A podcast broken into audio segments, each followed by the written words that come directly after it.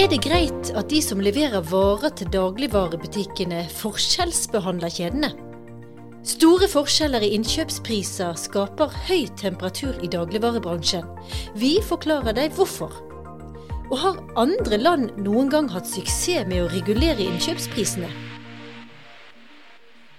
I denne første episoden av Konkurransepodden skal vi også til Storbritannia, der konkurransemyndighetene vil nekte to direktører i en kartellbedrift å jobbe som direktører igjen.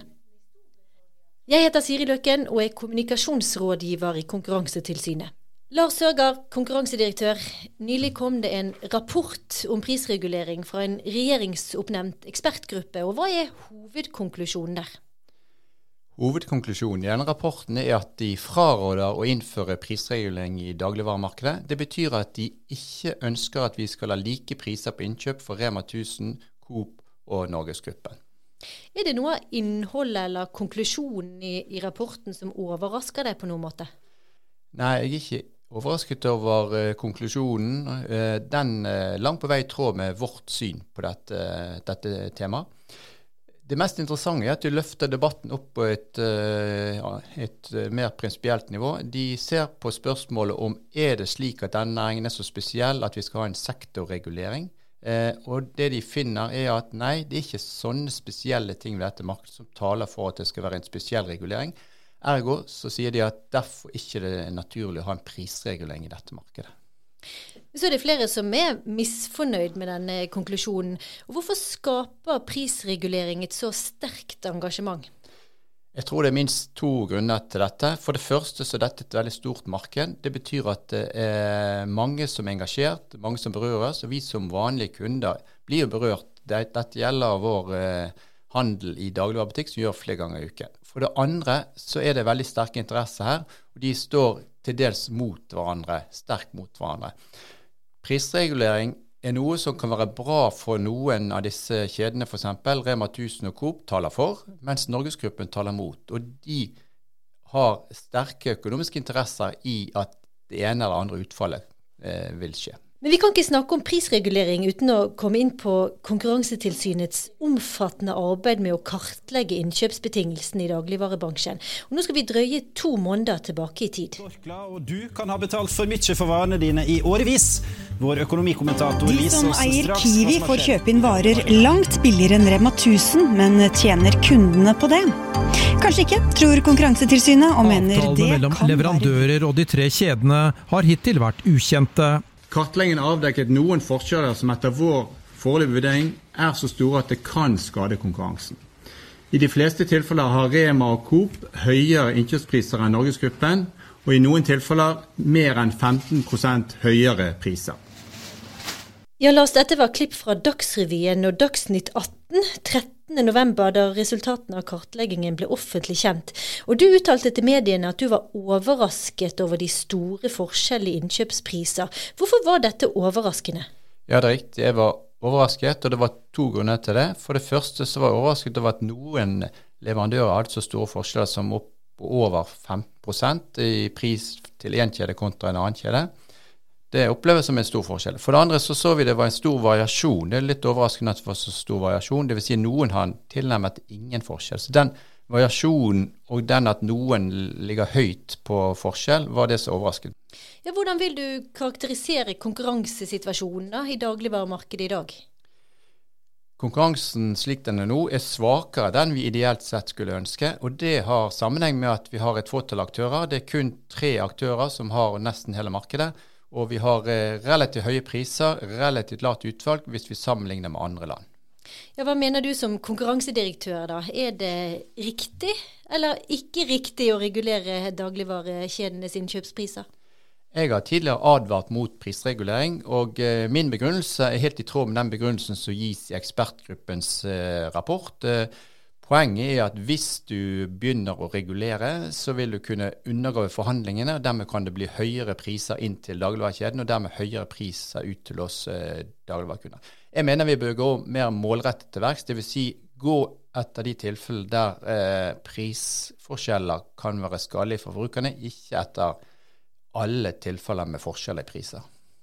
Men dersom eh, regjeringen, da, som skal endelig avgjøre dette, følger ekspertgruppens råd, sånn at praksisen med forskjeller i innkjøpsprisene får fortsette. Hva skal i så fall til da for å bedre konkurransesituasjonen i norsk eh, dagligvaresektor? Jeg tror det er viktig at vi bruker de uh, redskapene vi har. Vi har uh, nå nylig fått ressurser til Konkurransetilsynet. Det gjør at vi nå har en økt satsing. og vi, vi satser på to ulike spor. På den ene siden så etterforsker vi nå bredt. Vi har to store saker. Den ene gjelder eh, forskjell i innkjøpspriser. Vi startet ved en såkalt bevissikring nå i november. Den andre gjelder eh, graden av konkurranse mellom kjedene. og Det var en bevissikring i april i 2018 som går da på spørsmålet om de konkurrerer så hardt som de bør i dette markedet. Det er det ene sporet, etterforskning. Det andre sporet er eh, å fremme konkurranse og ulike tiltak som kan føre til lavere priser og bedre utvalg. Vi har nylig opprettet en task force, eh, en såkalt prosjekt eh, dagligvare, som skal se på ulike tiltak for å fremme konkurranse i ettermarkedet. Det er én ting å gå videre med det med innkjøpspriser og kartlegge det. En annen ting å se på tilgang til lokaler, som er viktig for å få konkurranse mellom butikkene. En tredje ting å tenke fremover på framtidens dagligvaremarked, dvs. Si hva skjer når mer og mer handel skjer på nett? Hvordan sikrer vi da konkurransen? Så Samlet sett så er vi bedre rustet nå enn noen gang til å fremme konkurransen i dette markedet. Vi skal snakke mer om de store innkjøpsforskjellene og hva som skiller dagligvaremarkedet i Norge fra andre land. Men først så skal vi til det som skal bli vår faste spalte her i Konkurransepodden, Konkurransenytt fra verden. Økonom her i Konkurransetilsynet, Magnus Friis Reitan. Konkurransemyndighetene i Storbritannia tar nå en viktig sak for retten, og hva er dette for en sak? Du, det er det britiske konkurransetilsynet, CMA heter de, eh, som tar to direktører for et selskap som har deltatt i et kartell. Eh, de tar de to direktørene for retten for at de skal fradømmes retten til å være eh, direktør i selskapet i noen år fremover. Ganske drastisk skritt. Det er et uh, drastisk skritt, men det er en, uh, det er en alvorlig sak. Uh, det er et kartell for, som holdt på mellom 2006 og 2013, som de produserer ferdigstøpte dreneringsprodukter i betong. det er sånn rør og renner og sånt som du legger ved siden av veier og under bygninger for å få vannet til å renne vekk. og De tre selskapene de er svære, og de hadde til tider 90% av markedet for den typen produkter. Det de gjorde, de ble enige om uh, hva priser de skulle sette. Uh, de delte markeder og kunder mellom seg, og de ble enige om hva markedsandeler de ulike skulle ha. Du får 20 jeg uh, får 25% og sistemann får 30 uh, Så det var et godt gammeldags kartell, og de hadde de holdt orden på alt dette her med hemmelige møter der alle møtte godt forberedt og delte masse informasjon mellom seg. Og For dette så har de fått et vedtak mot seg av britiske konkurransemyndigheter. Det har de fått, uh, alle tre selskapene. Men så har du også denne personstraff-siden av saken, som vi snakker om nå. Det å idømme yrkesforbud, er det en mulighet som finnes også i det norske lovverket? Altså, det finnes personstraff for konkurransekriminalitet i Norge også. Og i konkurranseloven der står det at uh, man kan gi fengsel og bøter til enkeltpersoner som uh, overtrer konkurransereglene. Eh, så for vår del så vil det bety at vi anmelder eh, personen som det gjelder, til Økokrim, og så tar Økokrim ut eh, tiltale mot den det gjelder. Men i straffeloven så finnes det også en bestemmelse om rettighetstap. Dvs. Si at du mister retten til å ha en bestemt stilling i noen år, eller til og med permanent. Jeg har en lignende sak vært oppe for retten i Norge? Nei, det er ikke gjort før eh, men, i Norge. Men eh, generelt så ønsker nå Konkurransetilsynet å bruke personstraff på de mest alvorlige overtredelsene av konkurranseloven, sånn som karteller, hvis du har hatt et tilsvarende kartell som dette i Storbritannia, i Norge. Um, og I sånne tilfeller så vil jo yrkesforbud det vil være et veldig kraftfullt virkemiddel som sikkert kunne virke avskrekkende på veldig mange. Men i Storbritannia er dette en etablert praksis? I Storbritannia der har de hatt denne muligheten for å også idømme yrkesforbud siden 2003. Eh, men de har først kommet skikkelig i gang med det siden 2016, med tre-fire sånne saker. Så i det ene av disse her kartellselskapene så har to direktører skrevet sånne egenerklæringer og eh, der de eh, lover at de ikke skal være direktører i henholdsvis 6 15 og 7 15 år fremover. Det er litt sånn som i sånn som i idretten, hvor man utestenges i et visst antall år fordi at man er blitt tatt i, eh, i juks.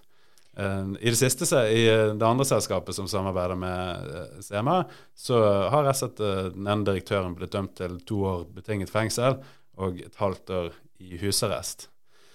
Men så da, så har vi det siste selskapet. De heter FP McCann, og de holder til i Nord-Irland. De har altså ikke gått med på å samarbeide med Konkurransetilsynet i det hele tatt. Eh, Så de skal anke det vanlige vedtaket om bot til selskapene til Konkurranseklagenemnda i Storbritannia. Og siden de ikke samarbeider, så skal de også har de ikke sendt noen egne erklæringer om at direktørene der eh, ikke skal være direktører i fremtiden. Så det er det eh, CMA forfølger nå. De eh, kommer til domstolene, og så sier de eh, vi ber deg, domstol, om å idømme de to direktørene Owen McCann og Francis McCann retten til å være direktører i bedrifter i noen år fremover. Rett og slett. Spennende sak fra Storbritannia der, altså. Takk for den oppdateringen, Magnus. Ja, Lars, vi skal fortsette å snakke om dagligvarebransjen her hjemme. Og det store spørsmålet prisregulering eller ikke prisregulering. Og hva er det som skiller det norske dagligvaremarkedet fra andre europeiske land?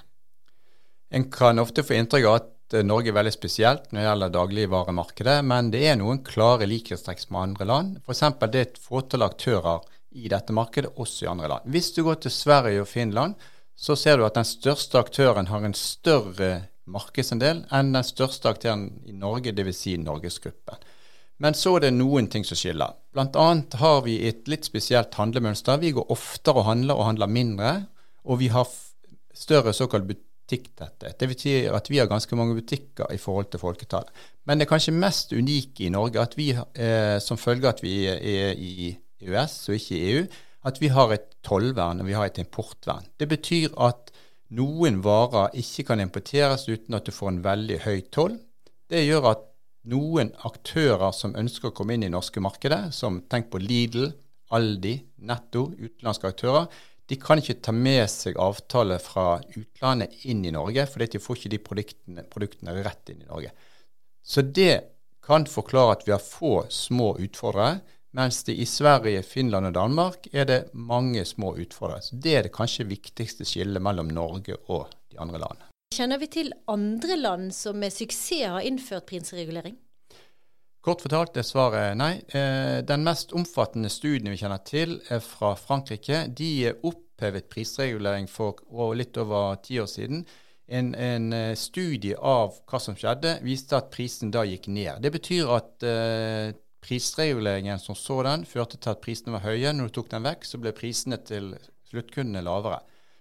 Og så har vi òg erfaring fra USA, der de har hatt en tilsvarende lov, ikke nøyaktig som det som er foreslått i Norge, men denne loven som da førte til eh, prisregulering, har de sluttet å sanksjonere. Det betyr at de forfølger ikke aktører lenger for å se om de bryter loven, for de opplevde at det, denne loven kunne føre til høyere pris. Så all erfaring viser rett og slett at prisregulering eh, til syvende og sist fører til høyere pris, priser for varene for oss forbrukere. Ja, det er, det er relativt begrenset med kunnskap eh, om, om hva som skjer, men den kunnskapen vi har, peker i den retning, ja. Men Lars, du er ikke bare konkurransedirektør, du er også professor ved Norges handelshøyskole. Og hva sier faglitteraturen da om prisregulering av dagligvarer? Som fagperson så har det vært veldig spennende å eh, se den debatten som har vært eh, det siste året. Det har vært veldig interessant å se at eh, de ulike argumentene for prisregulering, de ulike argumentene mot prisregulering, er kommet opp på bordet og blitt eh, brynt seg mot hverandre. Dette gir oss økt kunnskap når vi skal eh, se på om eh, prisforskjeller er et konkurranseproblem eller ikke. Det er særlig viktig at eh, disse argumentene som taler for at prisforskjeller kan være et problem for kundene, nå er kommet så klart frem.